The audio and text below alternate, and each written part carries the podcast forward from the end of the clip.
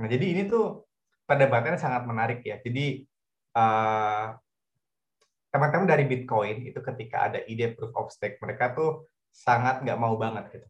Karena uh, dalam pandangan mereka gitu, kita mundur lagi gitu dari yang tadinya kita pakai kriptografi untuk bisa maju gitu kan eh malah mundur lagi kayak zaman sekarang basically kayak zaman sekarang kan artinya uh, siapa aja yang punya andil gitu ya punya ibaratnya uh, andil besar dalam ekonomi dia nge-shape the ekonomi gitu kan rich get richer kayak gitu kan nah orang-orang bitcoin nggak suka tuh lah kalau misalnya kita pakai proof of stake kita punya duit banyak kita tanemin di staking dapat duit banyak, udah mengembang, kita stakingin lagi gitu, lama-lama makin gede gitu kan. Nah, yang kecil makin ketinggalan gitu kan. Nah, itu adalah uh, yang di nggak sukain sama teman-teman yang dari proof of work ke Bitcoin.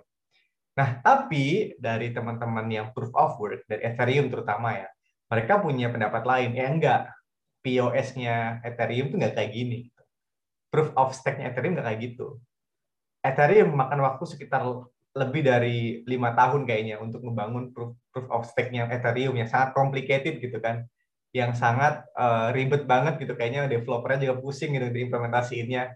Dari pandanganku kayak gitu, dari pandangan kayak gitu gitu kan. Tapi dari mereka tuh bilang kayak gini, oh enggak gitu kan, ini kompleks karena ada alasannya kayak gitu kan. Jadi mereka punya sistem yang sangat kompleks gimana caranya memastikan kayak uh, apa ya POS-nya mereka tuh nggak di abuse kayak gitu. Jadi makanya mereka makan waktu banyak banget karena ada kriptografi yang dipakai, ada apa ya mekanisme apa namanya research kita sebutnya game teori yang dipakai gitu. Jadi uh, kalau cara mainnya gini ntar bakal kayak gimana hasilnya kayak gitu. Itu dalam banget ya Ethereum gitu sampai dia bilang oke okay, POS-nya POS kita beda kayak gitu. Nah tapi uh, tetap gitu kan uh, orang menyimpulkan oh kalau Bitcoin itu komoditas kayak gitu. Kalau Ethereum itu ekuitas gitu. Artinya kalau kita punya Ethereum kita bisa kita, kita bisa punya andil gitu dalam networknya gitu. Kalau di Bitcoin ya itu komoditas saja kayak gitu. Yang mana itu uh, pro kontra ya gitu. Ethereum orang Ethereum suka bangga kayak kenapa eh Ethereum nih gitu. Protokol kita tuh menghasilkan banyak revenue gitu. Jadi Ethereum as a protokol dia menghasilkan revenue dengan cara ngebakar dan mengemin Ethereum kayak gitu kan. Bergantung dari supply and demand kayak gitu tapi Bitcoin uh, pakai subsidi gitu. Jadi kayak tiap beberapa fase bakal dapat Bitcoin kalau orang mining. Tapi lama kelamaan setengah berkurang setengah berkurang setengah gitu.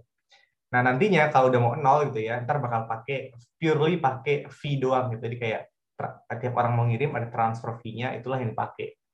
Nah yang mana ini uh, jadinya menarik gitu kan karena uh, Bitcoin itu nggak ada penghasilannya gitu, cuma miningnya udah mau habis karena udah mau mendekati nol kayak gitu. Jadi uh, sedangkan Ethereum dia punya revenue. Jadi itulah yang lagi ditimbang. Kita nggak tahu endingnya gimana, mana yang dipakai, mana yang enggak gitu kan. Tapi ya selagi Bitcoin lagi apa ya uh, bagus-bagusnya gitu kan, orang masih sering mining ya masih jalan. Tapi kita nggak tahu ntar bakal gimana.